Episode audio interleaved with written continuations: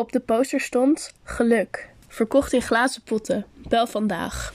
En onder de tekst stond een telefoonnummer. Ik liep naar huis na een lange, vermoeiende dag werken, toen ik een glimp opving van het papier vastgeniet aan een oude telefoonpaal. Ik nam er een foto van en vond het wel grappig. Ik wilde het mijn vrouw laten zien als ik in ons appartement was, maar ik had het te druk met klusjes en vergat het. Eten, afwassen, wassen, een snack voor onze dochter inpakken, haar naar bed brengen en dan haar speelgoed opbergen dat ze in de woonkamer had laten liggen. Het was elke avond precies dezelfde routine. De volgende dag werd ik wakker terwijl ik rug aan rug sliep met mijn vrouw.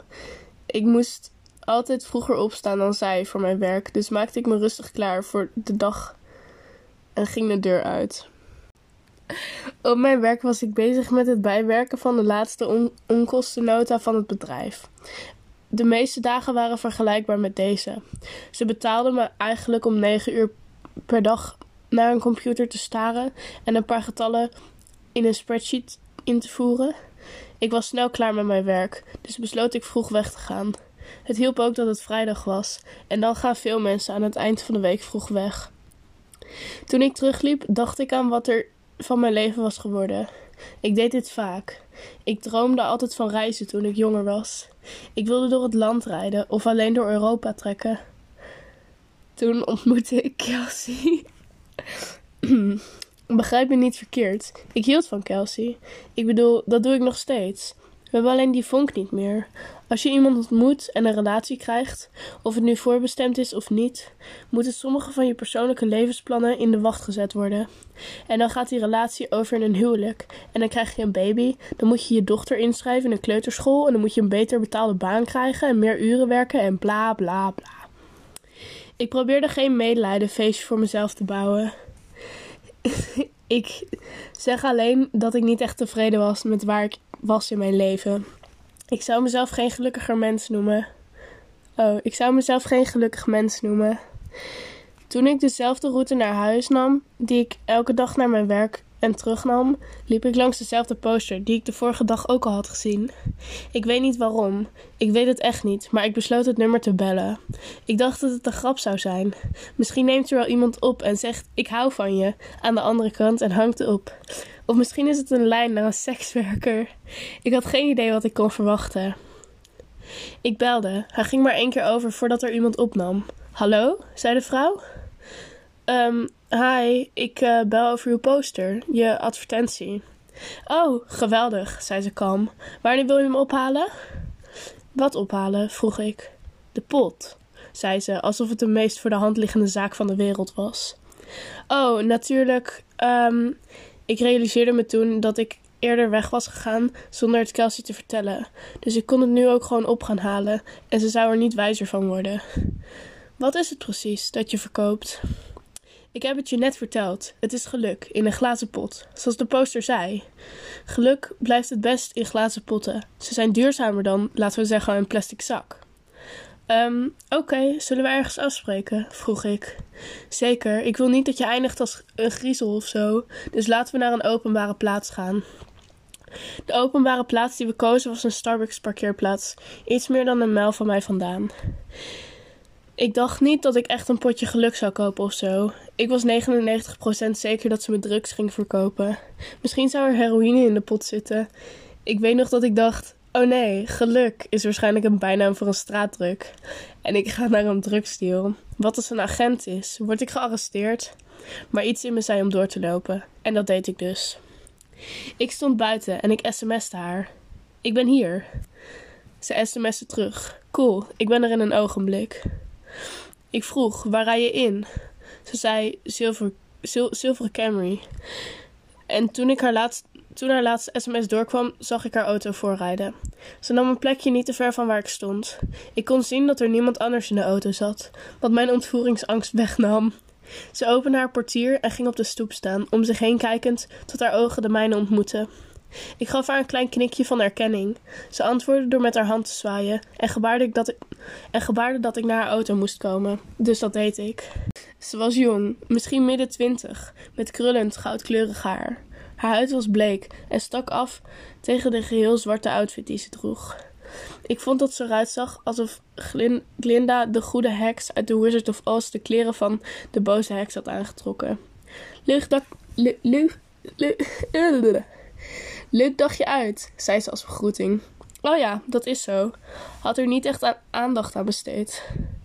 Jij was degene die belde over het potje, toch? Ja, dat was ik. Cool. Nou, here you go. Ze gaf me een heel klein glazen potje. Het was niet meer dan 15 centimeter hoog. Er zat een lampje in. Geen gloeilamp, alleen licht. Het was alsof iemand de zonneschijn had opgekropt. Het gloeide zelfs in het middaglicht. Het leek wel een kleine zon, of een klein universum dat besto- bestond in dit kleine huis met kristallen wanden. Ik bewonderde het zonder te proberen, zonder te proberen dat het ontzag op mij. Ja. Ik bewonderde het zonder te proberen het ontzag op mijn gezicht te verbergen. Mooi, is het niet? vroeg ze. Wat, wat is het? Je hebt dat al drie keer gevraagd, denk ik. Mijn antwoord is nog steeds hetzelfde. Het is geluk. Geluk in een glazen pot. Wat moet ik ermee doen? Hou het maar, zei zo simpel. Als je problemen hebt, stuur me een sms. Ze begon in haar auto te stappen. Wacht, zei ik. Ik dacht dat je dit ging verkopen. Hoeveel kostte het? Maak je geen zorgen, man, zei ze met een glimlach. Je zult betalen. Ze deed haar deur dicht en ik stapte uit de weg toen ze achteruit reed. En reed toen weg. Wat was er in godsnaam gebeurd? Wat had ik in mijn handen? Ik keek nog steeds naar het potje. De glans was gewoonweg betoverend. Ik stak het in mijn zak en kon de gloedlichtjes door mijn broek heen zien. Ik begon naar huis te lopen. Wat een mooie zonnige dag was, veranderde snel in een regenachtige met wolken die de lucht omsloten. Het was niet voorspeld dat het zou gaan regenen, anders zou ik die dag met de bus of de metro naar mijn werk zijn gegaan. Ik jogde naar huis en probeerde niet al te drijfnat te worden. Eindelijk vond ik beschutting toen ik bij mijn flatgebouw aankwam. Ik liep naar mijn deur en zag dat mijn sleutel niet meer aan mijn sleutelbos zat. Shit, ik kan niet geloven dat ik hem weer kwijt ben, dacht ik. Ik klopte op de deur en zei met een iets wat luide stem: Hé hey schat, ik ben het. Ik weet niet wat er met mijn sleutel is gebeurd. Ik hoorde dat de deur aan de andere kant van het slot werd gehaald. Toen de deur openging, werd ik begroet door een grote, forse man met vettig haar en een onverzorgd stukje. Hij zei: Ik denk dat je de verkeerde deur hebt, vriend. Oh, zei ik gedesoriënteerd. Mijn fout. Sorry, nog een fijne dag. Hij grinnikte toen hij de deur dicht deed. Appartement nummer 33. Ik weet dat dat mijn appartement was. Ik weet dat het zo was. Ik woonde nu al vijf jaar in appart appartement 33. Maar dat was niet mijn appartement. Van wat ik binnen kon zien, waren alle meubels anders. Het was in een andere kleur geverfd. Het was allemaal verkeerd. Ik had het gevoel dat ik mijn hoofd had gestoten en gedrogeerd was. Op dat moment had niets zin. ik pakte mijn telefoon om Kelsey te bellen, zodat ze me kon kalmeren en me kon vertellen dat ik gewoon even in de war was. Maar haar contact stond niet in mijn telefoon. In feite stond er niets in mijn telefoon. Ik had geen berichten met haar, geen eerdere gesprekken, geen foto's. Het was alsof mijn telefoon teruggezet was naar de fabrieksinstellingen. Heeft dat meisje mijn telefoon uitgezet toen ik niet keek? Ik had Kelsey's nummer gewoon handmatig willen bellen, maar ik kon het me niet herinneren. Ik had het eerder uit mijn hoofd gekend, maar nu niet meer. Ik moest terug naar mijn kantoor. Ik had een backup van al mijn contacten op mijn werkcomputer. Omdat het nog steeds re, re, re, re zo. Omdat het nog steeds regende, stapte ik op de bus die voor het appartementencomplex stopte. Ik reed naar mijn kantoor. De hele tijd naar mijn natte schoenen starend, me afvragend wat er in godsnaam aan de hand was. We hebben een sleutelkaart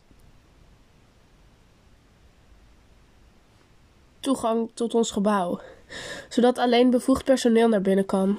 Ik heb mijn toegangskaart altijd in mijn portemonnee, altijd. Maar, verrassing, het was er niet. Ik zoomde in op de luidspreker die we hadden voor gasten met afspraken of werknemers als backup voor het geval iemand zijn kaart is verloren of vergat. Hey, dit is Tim. Ik moet mijn kaart verloren hebben. Mijn personeelsnummer is. Ik stopte toen ik niets meer wist. Een stem kwam door de luidspreker. Tim, je bent eruit geknipt. Wat is je werknemersnummer? Uh, ik kan het me niet herinneren. Ik, uh, dat is prima. Vertel me gewoon je volledige naam en afdeling. Uh, financiën. Ik zit bij financiën. Mijn volledige naam is Tim Brooks. Een seconde. Ongeveer 30 seconden later sprak de man weer tegen me. We hebben geen Tim Brooks werken in dit gebouw. Had u een afspraak met iemand? Ik deinsde verbaasd achteruit en struikelde bijna over mijn eigen voeten. Ik was net een uur of twee geleden nog in het kantoor geweest. Wat gebeurde er met me? Ik had het gevoel dat ik Alzheimer kreeg, maar dat ik elk stadium in één dag doorliep. Ik staarde naar mijn handen, onzeker of ik wel in het juiste lichaam zat. Ik had het gevoel dat de wereld om me heen desintegreerde. Ik had de controle niet. Ik zat alleen maar in het hoofd van iemand anders, keek naar de wereld door hun ogen. Op dat moment kreeg ik een sms. Ik herkende dat nummer meteen.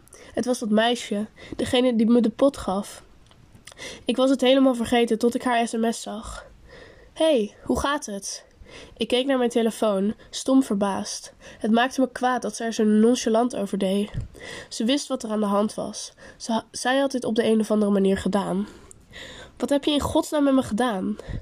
Het ergste moet nog komen. Ik was astronomisch dicht bij het gooien van mijn telefoon, zover als ik kon in frustratie. Ik haalde het potje uit mijn zak. Het zag er onveranderd uit. Nog steeds even helder gloeiend. Wat heb je verdomme gedaan? schreeuwde ik naar het potje, maar realiserend dat ik er waarschijnlijk uitzag als een gek. Terwijl ik naar het glinsterende glas staarde, realiseerde ik me iets. Ik wist niet meer hoe het gezicht van mijn vrouw eruit zag. Ik wist haar naam. Nou, ik weet dat het begon met een K, of misschien een C. Ik kon me haar niet voorstellen. Ik wist dat ik een vrouw had. Ik wist dat ik die had. Ja, want ik had een dochter.